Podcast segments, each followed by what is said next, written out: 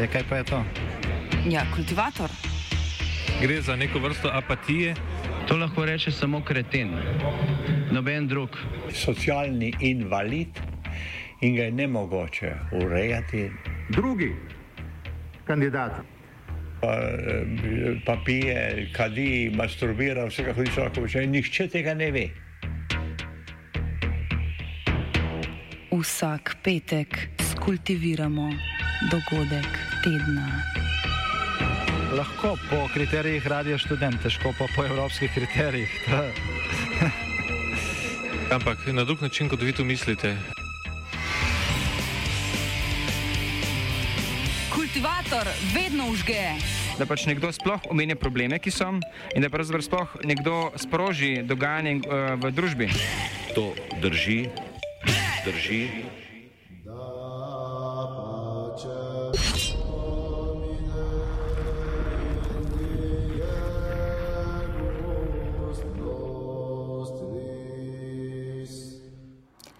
kanadski krst. thank you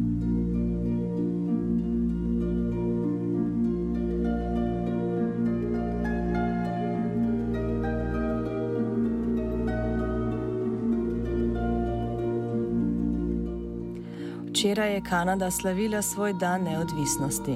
1. julija 1867 so se tri britanske kolonije, kanadska provinca, Nova Škotska in Novi Brunsvik, povezale v federacijo, katere prvi ministerski predsednik je postal John MacDonald. Ustanovitev nove zvezdne države pod oblastjo britanskega imperija je pomenila vzpostavitev novih sistematičnih strategij, s katerimi so evropski kolonizatori začeli z nasilno asimilacijo staroselskega prebivalstva. Ena izmed strategij je bila prevzgoja staroselskih otrok v duhu edine prave, torej krščanske vere. S tem namenom je kanadska vlada po vsej državi ustanavljala internate za staroseljce, ki so jih vodile religiozne institucije in kamor so bili starši zakonsko primorani poslati svoje otroke.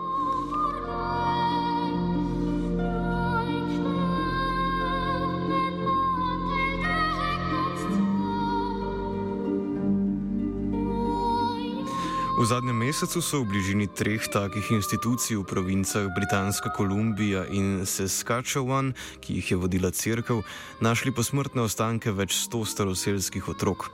Do najnovejših najdb je prišlo med dvema dnevoma, ko so pri šoli St. Eugene v kraju Krembrook v Britanski Kolumbiji odkrili 182 neoznačenih grobov otrok. Najdbe pričajo o hudih zlorabah staroselskih otrok v času njihovega bivanja v internatih, ki pa so bile kanadskim oblastem znane vsaj od sredine 20. stoletja. Oblasti so zlorabe uspešno prikrivale, javnosti pa se, ka, pa, pa se kazale kot nevedne. Peter Bryce, zdravnik, zaposlen pri kanadski vladi, je že leta 1907 izdal prvo poročilo o slabih razmerah v šolah, zaradi katerih so otroci umirali. Njegova poročila, v katerih je internate označil za nacionalni zločin, javno takrat niso bila objavljena, zdaj z odkritjem množičnih grobov je postala razsežnost grozodejstev, ki so neposredno omogočila nastanek moderne Kanade, popolnoma jasna in je ni več mogoče zanikati. Razsežnost nasilne in še nedavno prisotne dejavnosti kolonizatorjev pojasni aktivistka Ellen Gabriel, znana tudi pod imenom Kacicakwas. the last Indian residential school was closed in 1996. And so it's very recent. And the horrific, horrific stories um, were things that were condoned by the states, the state of Canada, because they knew what was going on. They they would not help if there were sick children, uh, like um, Dr. Bryce, uh, who called it a national crime when he brought to the attention of the Prime Minister and Duncan Campbell Scott that there were children who were sick with tuberculosis, which comes when out of in, in poverty conditions. Um, there were children living in outhouses. Uh, there were children who were sent home sick, so they spread the disease, and many many died. Uh, there is roughly over six thousand uh, Indigenous children buried in unmarked graves right across Canada. They tried to take away our language, they tried to take away our culture. They told us who we are as Indigenous people, and it was all for for greed for the power and taking our land. And so canada is an occupied state. It is very similar to what we see in other parts of the world uh, where the the first peoples of that land uh, are treated as disposable. And that's exactly how canada has treated indigenous peoples Težnje po izkoreninjenju staroseljske kulture so bile hitro po ustanovitvi nove federacije Kanade udejanjene zakonsko. V političnih krogih se je govorilo o indijanskem problemu.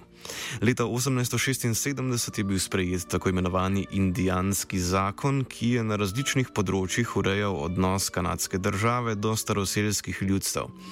Med temi področji sta bila tudi izobraževanje in asimilacija staroseljskih otrok, pri čemer so glavno vlogo igrale različne krščanske institucije. Tiffany Prit, profesorica na Univerzi v Alberti, ki med drugim raziskuje delovanje staroseljskih internatov, opiše njihove začetke. So it, it really does start um, over a century ago when Canada became a country. Uh, they were they had different agreements and laws and legislation that they put in place with Indigenous peoples. And in 1876, they came out with a document called the Indian Act, and that is still uh, here today, and it, it governs pretty much everything that Indigenous peoples can do. And so, in the Indian Act, it did make provisions for education for Indigenous children. And so, after the Indian Act came out, uh, the Canadian government uh, had enlisted the help of different religions across Canada to open up schools to try and assimilate Indigenous children into Canadian society. And so there, there is um, a lot of history that happened prior to residential schools opening. Uh, what is most most known are the residential schools, as we still do have survivors today who attended residential schools. Uh, but there there were many different school models that the Canadian government used to try and assimilate Indigenous children, and residential schools was just one of them. And so the, the Indian Act um, has multiple amendments. And, uh, you know, sometimes there is an amendment a year or twice a year. And so the, the education for Indigenous children was constantly changing all of the time. O asimilacijskih internatih je ne mogoče govoriti zgolj kot o šolah. Običajen vsak dan otrok je bil v večini zapolnjen z delom. Šole niso imele igrišč, hrana je bila otrokom strogo odmerjena, tisti, ki niso upoštevali pravil, pa so bili telesno kaznovani. Amandmaji indijanskega zakona so se neprestano spreminjali, zato ne moremo govoriti o enotni politiki, s katero so religiozne institucije šolo upravljale. Obstajalo je več različnih učnih modulov, ki so bili prilagojeni različnim potrebam približno 130 šol po Kanadi. Natančneje spreminjajoče se razmere v šolah pojasni Prit. It, it, really depended on what the school model was and what the law was at the time for Indigenous children. Uh, for every Indigenous child, there was a certain amount of time a day that they had to be in religious instruction.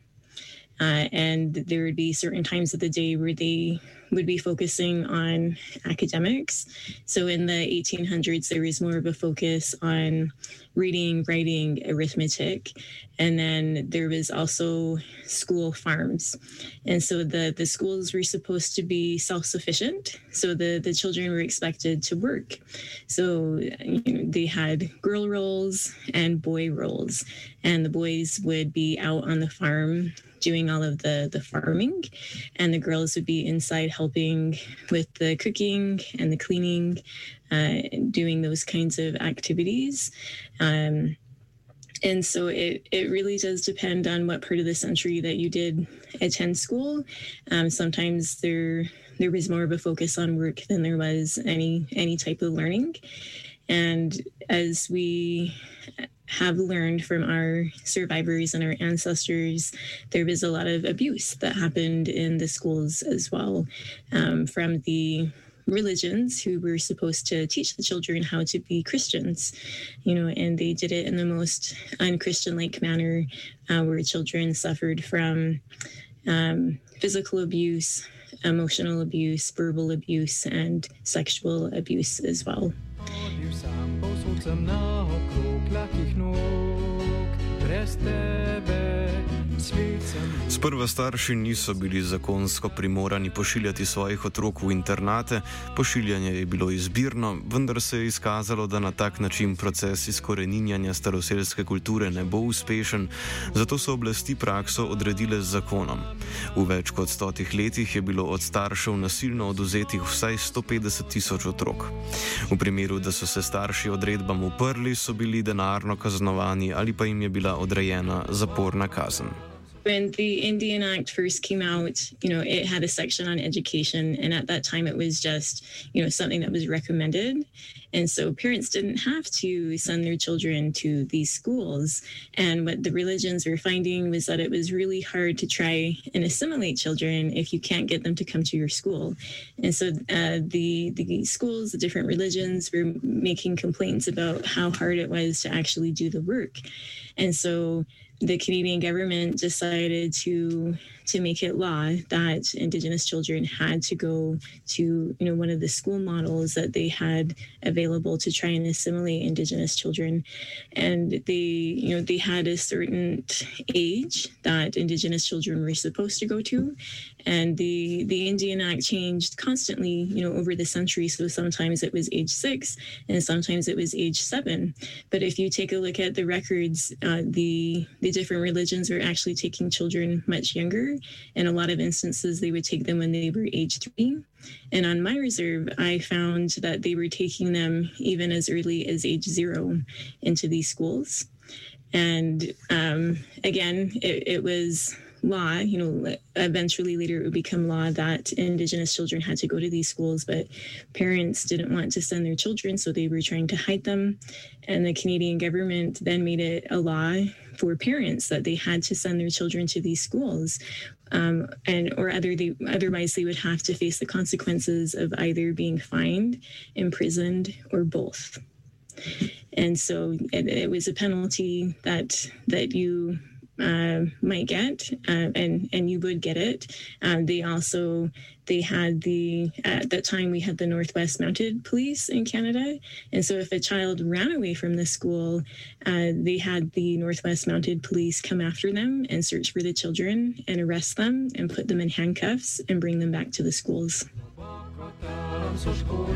Okoli leta 1950 se je strategija asimilacije s pomočjo izobraževanja začela spreminjati.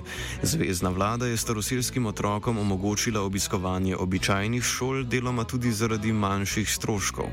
Vendar so takšne spremembe naletele na velik odpor potomcev evropskih priseljencev in proces integracije je potekal precej dalj časa, kot je bilo načrtovano. From the 1870s to the 1950s, the Canadian government was following a policy of assimilation through segregation. So they were keeping all the Indigenous children on the reserve, trying to teach them how to be Euro Western, and it, it, wasn't really working out. And so the Canadian government went to um, a different policy, which was to assimilate through integration. So they were hoping that by sending Indigenous children off reserve to be able to mingle with non-indigenous children that the assimilation rate would um, in, increase at a, at a faster pace.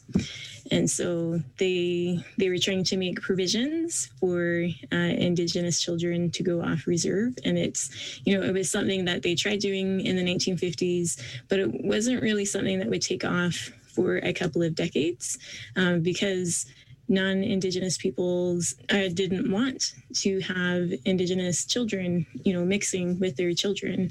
And so even even parents indigenous parents living on reserve who knew about the abuse and everything that was going on in the schools you know they they legally couldn't leave the reserve. There there was uh, um, a ban on letting uh, Indigenous peoples off the reserve. Uh, and once that ban was lifted, the parents still couldn't bring the children off reserve uh, because schools didn't want to let Indigenous children into their into their schools.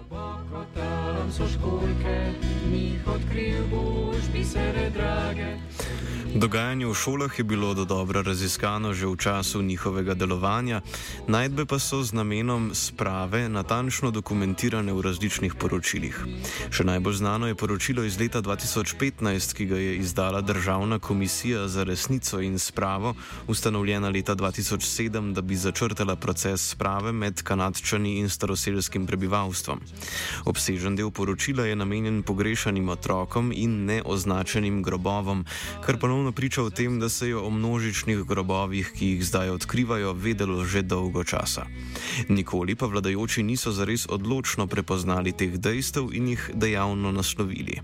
O nedejavnosti odgovornih Gabriel. There was a Royal Commission on Aboriginal Peoples which traveled across Canada for five years, and that report came out in 1996.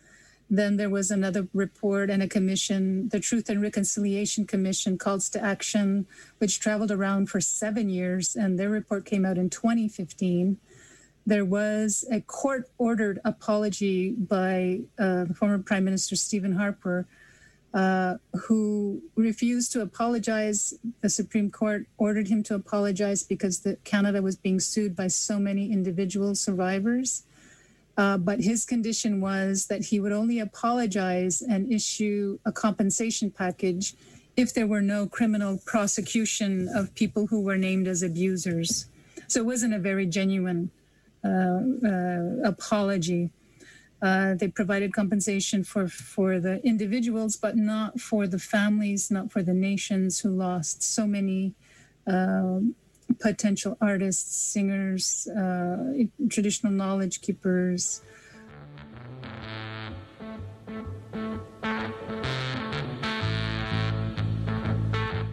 Ob poročilu je Komisija za resnico in spravo pripravila tudi 94 korakov, tako imenovanih pozivov k akciji, ki naj bi predstavljali začetek dejavnosti, katere glavni namen bi morala biti izboljšava družbenega položaja staroseljcev. Od sprejema načrta pred šestimi leti je bilo izpolnjenih sedem izmed teh korakov.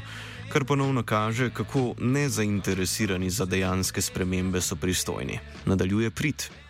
Yeah, so the, the Truth and Reconciliation Commission of Canada uh, did a very lengthy study and, and they did a very good job on it. They had um, a, a, number of different final reports that they came out on um, about the history that has happened in Canada with colonization. And they came out with their 94 calls to action, which is to help Canada be able to reconcile what has happened and, you know, how can we move forward uh, in a good way. Um, with one another. And so those you know the the downside to the the calls of action is that there is no there's no law that anybody has to implement it. And so that makes it really challenging because it's kind of left to people who feel like this is something that they want to do. Um, and for people who don't really care about it they don't really have to do anything about it. And so that it makes it really challenging being able to um, to be able to implement those calls to justice because of that. So it, it's really um, those people who who desire social justice and understand um, what has happened uh, and want to be able to make amends and be able to to reconcile. And so that is one of the biggest challenges that we run into uh, when it does come to the calls to action. So it is, you know, it's been six years since they came out, and we are still asking people to please read the report, please think about implementing the um, calls to action. And so there, you know, there's not there's some uh, that that uh, have um, been done in terms of the calls to action, but there's so many more that could be done. Med 94 točkami so zapisane tudi zahteve po odprtju zasebnih arhivov, v katerih so tudi crkveni dokumenti. Obstaja namreč možnost, da so v njih natančno zabeležene razmerje v, v internatih. Kanadski premijer Justin Trudeau je crkv pozval naj izda dokumente in crkv je obljubila, da bo to storila, vendar je bilo to vrstnih obljub v preteklosti že več. O dostopnih in nedostopnih arhivih govori prid. You know, in the Truth and Reconciliation Commission of Canada's calls to action, they do a call upon museums and archives to be able to make available all of the records. So my myself and the work that I do, I take a look at these types of records to be able to piece together my people's history and and what has happened uh, with the residential schools and the other school models. And some of the material is public, while some of the material is restricted. And so I don't I don't know what is in that restricted material. And so there is a call to make those those records public. You know, I don't know if those records would have any kind of uh, indication of the children who have been found in those mass graves. And so um, we have we have public archives and we have private archives. Um, usually, the private archives are the different religions. Um, uh, where they are housing their their primary documents um, from the past century, and it, it can be you know it, every every archive is different, so it can be a challenge to get into some of them uh, and be able to take a look at their records and even get copies of those records. And then there are some um, private archives that it's it's less work. You know, they're they're more open to being able to work with you uh, to get you in to take a look at those records. So it, it is possible that there are records of the children who have been found in these mass graves, but I, I couldn't say definitively um, if records like that do exist or not. It's you know something that we can hope for. That if if these archives do make accessible those restricted documents, we might be able to learn about the children's identities. Poleg crkvenih obljub o izdaji dokumentov se je crkva zaobljubila tudi, da bo v Kanado odposlala svojega voditelja, papeža Frančiška. Papež obisk Kanade načrtuje konec decembra, tokrat naj bi se srečal s predstavniki staroseljcev. Takšen obisk lahko v najboljšem primeru označimo za performativnega. Ellen Gabriel. Because we don't need his, he's refused to apologize, so I don't see what the point of him coming here. I think he should stay there. He's he's the head of an entity that committed genocide against indigenous peoples, not just in Canada but throughout the Americas. And uh, you know, unless he's willing to apologize before he comes, I don't see the point of his visit. Just to just to be a, a voyeur on on the pain of indigenous people, I don't accept that. Ne glede na to, kako dolgo že traja debata o kolonizatorskih začetkih Kanade, je vsakršna dejavnost v povojih.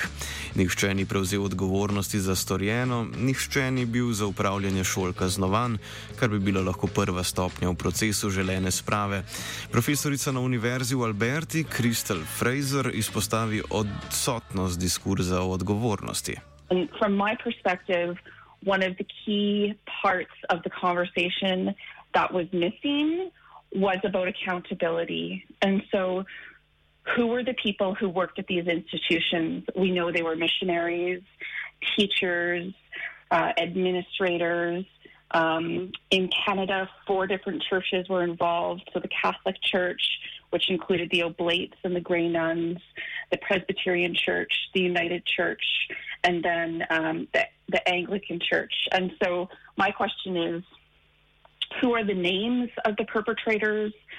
Are any of them still alive? I mean, the last two residential schools in this country closed in 1996, which is only 25 years ago.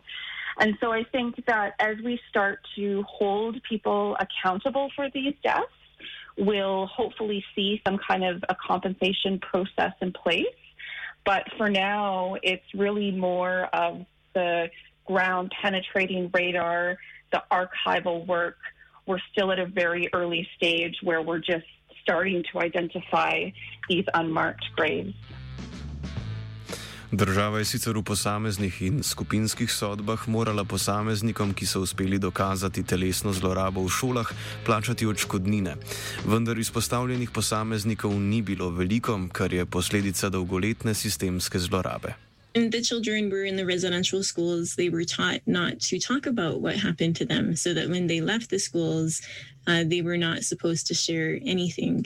And in many cases, they were told that if you tell anybody what happened in these schools, you're going to go to hell.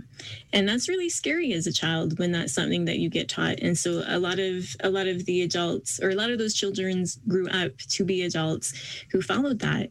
And so we we had some very brave souls who came together and you know decided that it was really horrible what the Canadian government did and they wanted some kind of compensation for the abuse that they suffered.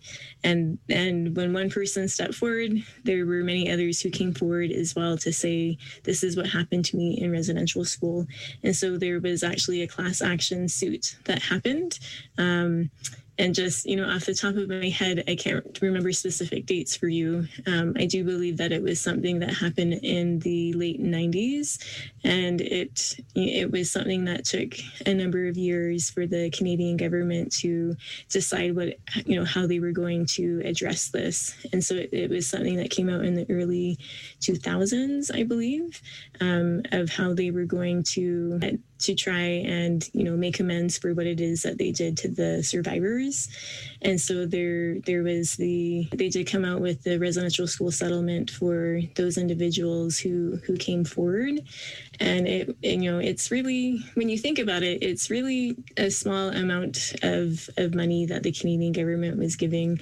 And it was really just for physical um, abuse. You had to be able to to um, prove that you um, experience some kind of physical abuse. It, it, wasn't paying for all the abuse that happened in the schools. And so they, they did that for residential schools. Uh, they also came out with funding for other projects uh, to try and help survivors heal. But, you know, but they didn't really do anything in terms of the um, emotional and mental abuse that that survivors experienced and that's something that um, has been really horrific to try and to to move forward with that um, Kultivator z jasno diagnozo in obtožbo zaključi Ellen Gabriels. Uh, it's a genocide.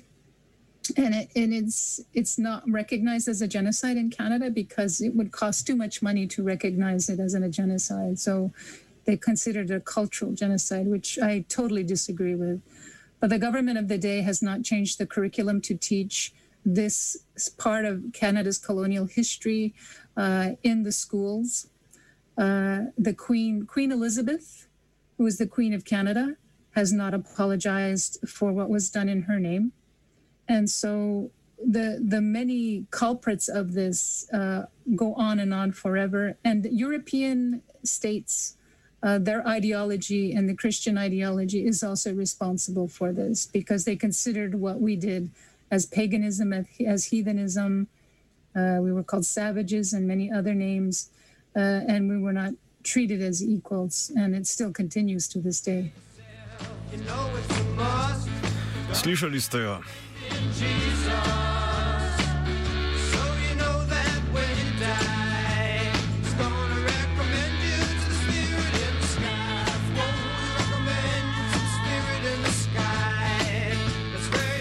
Krščanske zločine preko luže je kultivirala Aida.